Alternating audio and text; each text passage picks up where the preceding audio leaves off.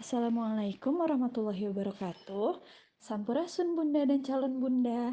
Kembali lagi dalam podcast Filosofi Ibu, sebuah podcast persembahan dari komunitas Ibu Profesional Bandung yang akan memberikan obrolan penuh makna, tempat para ibu membagikan kisah terbaiknya jatuh bangun menjalani peran sebagai seorang ibu. Di podcast Filosofi Ibu kali ini, kita akan membahas tentang lika-liku menjadi ibu pembelajar. Menjadi ibu adalah proses pembelajaran seumur hidup. Seorang calon ibu ataupun ibu baru dihadapkan dengan banyak sekali kemungkinan. Hal-hal baru yang harus ia hadapi, serta pilihan-pilihan ilmu yang harus ia kumpulkan sebagai bekal petualangannya membersamai sang buah hati.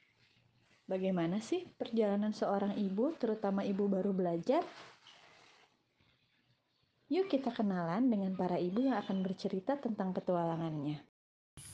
Assalamualaikum warahmatullahi wabarakatuh. Perkenalkan, aku dengan Anissa Nur Ilham, panggilan Ica. Pertama gabung di IP Bandung melalui kelas martikulasi batch 6 tahun 2018, kemudian sempat vakum, dan mulai aktif lagi di tahun 2020 dengan bergabung di komunitas IP Bandung sebagai member Umber Boga dan DIY Toys. Di sini aku akan bercerita bagaimana proses belajar aku sebagai seorang ibu. Bismillahirrahmanirrahim. Assalamualaikum. Uh, perkenalkan, nama saya Nita. Saya bergabung di IP Angkatan 9. Perkenalkan saya Laras sebagai moderator anggota IP Bandung yang juga sedang aktif di Rumbel Menulis, Rumba Cimahi KBB, dan menjadi calon mahasiswa Bunsai Batch 5. Perkenalkan, saya Milani, kali ini bertugas sebagai nutulen. Saya juga merupakan anggota IP Bandung, sekaligus anggota Rumbel Bisnis dan juga Rumba Cibiru. Masya Allah, para ibu-ibu pembelajar sudah berkumpul di sini. Oke, kalau gitu kita mulai dengan pembicara pertama ya. Dari Teh Ica, Mangga Teh bisa diceritakan sekarang kegiatan sehari-harinya apa, terus aktivitas belajarnya seperti apa? Terima kasih Teh Laras atas pertanyaannya. Alhamdulillah nih Teh, sejak 4 tahun lalu hingga saat ini aku adalah seorang ibu rumah tangga yang berkegiatan di rumah mengurus rumah, anak, dan berdagang secara online. Sebagai seorang ibu baru tuh aku merasa uh, kurang bekal dan minim pengetahuan teh. Namun di sisi lain, aku berharap menjadi ibu yang baik, minim penyesalan. Hal tersebut yang membuat aku termotivasi untuk giat belajar, mulai dari membaca buku, ikut kelas baik gratis maupun berbayar, uh, online maupun offline dan ikut beberapa komunitas. Namun tidak jarang dalam prosesnya belajar ini membuat aku kewalahan dan juga merasa buruk jika tidak mengaplikasikan dengan baik apa yang telah dipelajari. Dan ini pengalaman baru buat aku karena pengalaman belajar saat sekolah maupun kuliah aku pribadi merasa tidak ada tuntutan untuk mengaplikasikan bahkan untuk pelajaran-pelajaran yang menanamkan nilai-nilai kebaikan seperti agama dan tata krama, apalagi pelajaran yang sifatnya teknis dan sains cukup dipahami agar dapat menjawab soal, dipraktekkan untuk kepentingan nilai, bahkan uh, bukan untuk diaplikasikan. Namun, saat menjadi ibu tuh ada perasaan buruk jika setelah belajar ada yang tidak sanggup diaplikasikan dengan baik terutama terkait parenting, tumbuh kembang anak, nutrisi, MPASI, dan isu-isu pengasuhan penting lainnya. Hmm, misalnya nih teh urusan MPASI, ada suatu hari anak seharian maunya makan karbo doang. Tidak ada asupan protein dan serat. Padahal kan teorinya mereka kan harusnya makan menu seimbang tiap hari. Hal tersebut membuat uh, kita menjadi stres, kepikiran, bahkan mood jadi hancur. Nah, ternyata urusan belajar ini selain menguatkan teori dan aplikasi, kita juga harus sadar akan kapasitas diri dan berdamai dengan kekurangan sambil terus bergerak maju. Wah, luar biasa ya Teh. Saya juga merasakan setelah jadi ibu, belajar itu berbeda dengan ketika kita di sekolah. Jadi, ujian dan tantangannya itu kita temukan setiap hari, setiap waktu langsung di depan kita. Ketika kita belajar tentang menyusui misal, tentang NPASI, tentang mendidik anak, eh, itu realisasinya langsung ada dan tantangannya juga luar biasa tidak bisa uh, seperfect dan sesempurna di teori gitu ya teh ya kalau menurut teteh sendiri untuk makna belajar untuk teteh itu seperti apa teh apakah ada perbedaan setelah menjadi ibu dengan sebelum Buat aku pribadi, makna belajar saat sebelum dan sesudah menjadi ibu itu berbeda jauh ternyata teh.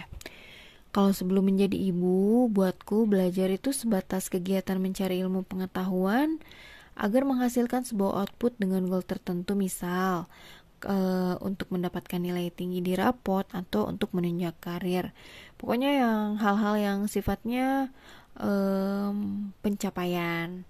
Nah, sedikit sekali hal-hal yang aku pelajari untuk diri aku sendiri terutama untuk hidup yang lebih baik dan benar di muka bumi ini yang diridhoi oleh Allah Subhanahu wa taala. Setelah menjadi ibu itu aku e, lebih banyak belajar agar dapat memahami berbagai hal tentang nilai-nilai dasar kebaikan hidup dalam berbagai aspek seperti pendidikan anak, kesehatan mental, dan fisik keluarga. Pokoknya hal-hal yang sifatnya personal, yang sifatnya ke dalam diri. Namun bukan berarti aku tidak belajar hal-hal yang orientasinya pencapaian juga. Um, aku masih belajar. Salah satunya yang sedang aku pelajari sekarang itu misalnya digital uh, digital marketing dan berbagai ilmu penunjangnya. Namun uh, pada dasarnya di sini saat setelah aku menjadi ibu ya belajar itu buat aku adalah sebuah proses yang membawa aku lebih mengenal diri aku sendiri. Belajar itu tidak selalu tentang hal-hal yang harus diaplikasikan ataupun diamalkan. Oh, berarti setelah menjadi ibu, belajarnya sudah bukan goal oriented lagi ya, Teh ya. Maksudnya tidak selalu terkait dengan pencapaian. Bahkan mungkin seperti yang dibahas tadi, harus sering kali berdamai dengan realita dengan kondisi yang mungkin tidak sesuai dengan ekspektasi gitu ya teh ya hmm oke okay, oke okay. kalau untuk teteh sendiri uh, saat belajar itu apakah ada kendala-kendala yang dirasakan teh Kendala terbesar aku dalam proses belajar saat setelah menjadi ibu adalah karena aku uh, belum punya tujuan yang jelas dan aku nggak tahu harus mulai dari mana karena rasanya semua penting. Misal saat hamil anak pertama, belajar gentle birth dan menetapkan tujuan ingin lahiran normal. Alhamdulillah lahiran normal tercapai. Tapi dengan banyak jahitan dan lelah letih, alhasil setelah lahiran badan remuk, nyut-nyut efek jahitan. Ngurus di saja, tidak sanggup apalagi mengurus bayi. Hamil anak kedua, sudah lebih terbayang harapan dari lahiran normal ini apa, lebih terbayang juga apa yang perlu dipelajari dan dilatih dengan fokus agar proses persalinan normalnya lancar, bugar, pemilihannya cepat, dan tanpa jahitan. Untuk hal-hal seperti hamil, menyusui, lebih mudah untuk menentukan tujuannya, bahkan jika ingin dibuat spesifik. Goalnya jelas, terukur, dapat dilihat, ada parameternya.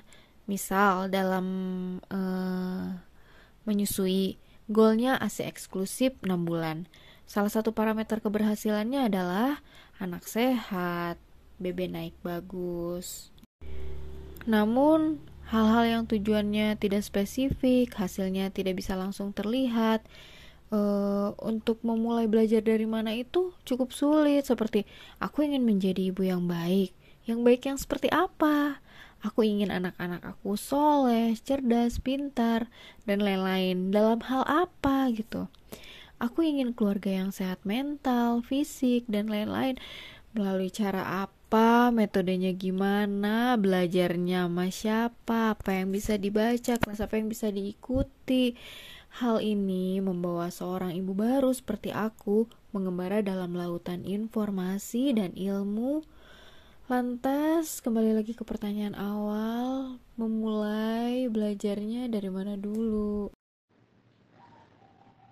Seperti menjadi nahkoda kapal di tengah lautan yang sangat luas, penuh dengan gelombang-gelombang besar, dan kita harus pandai menentukan arah, menentukan cara untuk meliuk-liuk melewati gelombang itu gitu ya teh?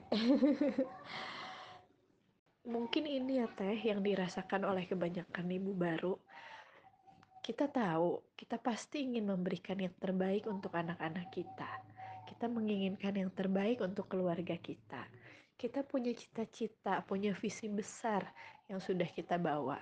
Tapi bagaimana cara meraihnya dari mana kita harus memulai, harus ke mana kita berlayar, gelombang apa yang harus kita hadapi di sebelah sana. Wah, sungguh menjadi ibu itu harus pandai menghindari overthinking ya teh. nah, dari pelajaran dan perjalanan yang sudah teteh tempuh selama ini, apa aja nih teh yang teteh dapatkan? Mungkin bisa dibagikan untuk kita. Pada akhirnya aku menemukan benang merah dari berbagai hal yang sudah aku pelajari. Tentunya dengan proses belajar yang berkesadaran, melibatkan perasaan, dan senantiasa berdoa kepada Allah Subhanahu wa taala agar selalu didampingi dan ditunjukkan jalan melalui tanda-tanda yang jelas. Dan aku mohon agar uh, semoga Allah memberikan kemudahan dalam membaca tanda-tanda tersebut. Amin ya rabbal alamin. Benang merah ini terhubung dari apa yang aku pelajari dan aplikasikan dari sebelum hamil hingga saat ini. Saat belajar Gentle Bird selama waktu hamil itu, aku sangat terkesan dengan natural bird dan bagaimana mengupayakannya. Bahwa tubuh kita sangat berdaya dan bahwa bayi kita dapat diajak berkomunikasi dan dilibatkan sedari dini. Bahwa bayi kita bisa mencari jalan lahirnya sendiri dan bahwa proses melahirkan adalah proses alami di mana seharusnya tidak ada yang tersakiti. Setelah anak lahir, kemudian aku berkelana di lautan informasi tentang pendidikan anak. Bagaimana cara mendampingi anak-anak ini? Hal ini membawa aku belajar tentang Glendomat, Montessori, Waldorf, yang walau aku setuju, tapi hanya sedikit sekali yang aku aplikasikan karena kapasitas dan fasilitas yang tidak mumpuni. Di sisi lain, mungkin memang bukan itu jalannya. Walau tidak diaplikasikan dari proses belajar ini, ada pemahaman yang membuat aku melihat anak-anak dengan pandangan yang berbeda dari sebelumnya. Aku jadi lebih menghargai anak-anak selayaknya manusia seutuhnya yang berdaya. Hanya saja terperangkap dalam tubuh yang kecil, Walau tidak dapat memfasilitasi dengan maksimal, paling tidak aku sebisa mungkin tidak menghalangi tumbuh kembang mereka. Pada akhirnya dari seluruh proses belajar ini mulai dari sebelum hamil, hamil, uh, hingga anak-anak lahir terkait parenting, MPASI, kesehatan tubuh, aku menemukan bahwa ternyata uh, aku ini lebih cocok dengan cara-cara yang natural sehingga sekarang um, aku sudah bisa belajar dengan lebih fokus yaitu mengambil pelajaran-pelajaran um, yang arah-arahnya ke hal-hal yang melibatkan natural-natural um, gitu. Selain itu, aku juga sempat berkelana di lautan informasi tentang kesehatan tubuh. Terlebih, aku ada isu arjen terkait berat badan anak dan berat badan aku. Hal ini membuat aku belajar tentang kesehatan holistik. Bagaimana memperbaiki berat badan anak-anak dan aku adalah dengan memulihkan pencernaan terlebih dahulu dengan asupan-asupan alami ramah pencernaan. Karena anak-anak makan banyak tapi BB naiknya irit. Sedang aku makan irit, BB naiknya terus menerus. Ini bukan tentang BB naik lantas aku gemuk atau BB anak-anak lantas mereka kurang gemas. Cuman dari BB ini uh, merupakan salah satu parameter jikalau ada yang salah di tubuh, jikalau ada yang tidak seimbang, khususnya pada pencernaan yang mungkin diakibatkan oleh pikiran atau asupan yang kurang baik. Pada dasarnya, tubuh dapat menyeimbangkan dan menyembuhkan dirinya sendiri jikalau asupannya tepat. Nah, seperti apa asupannya, apa yang harus dimakan, bagaimana mengolahnya agar nutrisinya tidak hilang, dan lain-lain sebagainya itu uh, di sini kita mesti belajar lagi. Masya Allah, dari berbagai ilmu yang sudah dipelajari, tidak ada yang sia-sia ya Teh ya. Selalu ada pesan positif, ada bagian kecil yang bisa kita aplikasikan, atau setidaknya cara pandang kita yang menjadi lebih baik dan membantu kita untuk menjadi ibu yang lebih baik lagi ke depannya. Begitu mungkin ya Teh ya. Oke, untuk selanjutnya apakah ada pesan, tips sekaligus closing statement untuk kita para ibu pembelajar dari Teh Ica. Oh ya teteh-teteh sebenarnya agak grogi ya. Uh, aku berbicara tentang belajar di sini, terlebih ibu-ibu di Ibu Profesional Bandung, rata-rata kan ibu-ibu pembelajar. Namun izinkan aku menyampaikan sekali lagi, walau uh, belajar, proses belajar dan pengaplikasiannya tidak mudah, Teruslah belajar dan berproses, walau mungkin ada ilmu yang sudah atau sedang kita pelajari belum diamalkan, lantas sudah ditinggalkan atau sudah diaplikasikan namun belum maksimal. Bisa jadi dari proses belajar ini kita menjadi lebih mengenal diri kita, lebih paham prioritas kita sehingga dapat mengeliminasi apa yang perlu dieliminasi, apa yang perlu didalami, dan apa yang cukup sebatas tahu. Dan kembali lagi ke awal pembahasan, saat kita masih belum bisa mengaplikasikan ilmu dengan maksimal, tidak perlu berkecil hati, sadari kapasitas diri kita, berdamai dengan kekurangan kita, dan teruslah berusaha, walau tidak mudah, tapi bisa. Dan ketika kita tidak bisa mengaplikasikan apa yang sudah kita pelajari, mungkin itu adalah saatnya untuk kita merenung. Pokoknya teruslah belajar, walau begitu jangan ragu mengambil jeda jika dirasakan perlu. Akhir kata, semoga Allah memudahkan dan memberikan kelancaran serta meridoi usaha kita menuntut ilmu. Semoga kita semua diberi petunjuk dan senantiasa dilindungi oleh Allah Subhanahu wa taala. Amin ya robbal alamin. Terima kasih teteh-teteh yang sudah mendengarkan, yang sudah meluangkan waktunya. Sekarang aku kembalikan lagi ke Teh Laras. Silahkan Teh Laras. Oke, untuk sesi sharing selanjutnya, kita akan mendengarkan cerita dari Teh Nita. Mangga Teh bisa diceritakan sekarang gimana kegiatan sehari-hari serta aktivitas belajarnya seperti apa? Bismillahirrahmanirrahim. Assalamualaikum. Saat ini saya aktif dan mengikuti kelas belajar pendalaman keagamaan secara online dan menunggu uh, kelas pendalaman online keagamaan yang lain itu kelas tarbiyah. Untuk keanggotaan di, di IP sebetulnya saya tidak cukup percaya diri untuk terus eksis dan berkembang. Namun sampai saat ini masih berusaha untuk mengikuti perkembangan dan berusaha menyelesaikan istilahnya kewajiban sebaik-baiknya.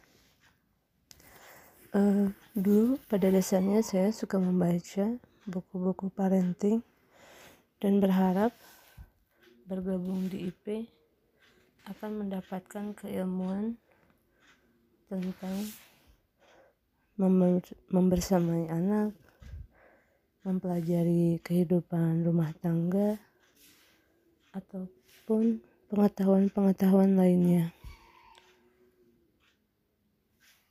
Namun, sayangnya saya belum cukup maksimal untuk dapat memanfaatkan keilmuan tersebut karena keseharian saya juga adalah bekerja juga ibu dua anak juga mahasiswa di salah satu PTN jadi uh, lumayan fokusnya terbagi banyak.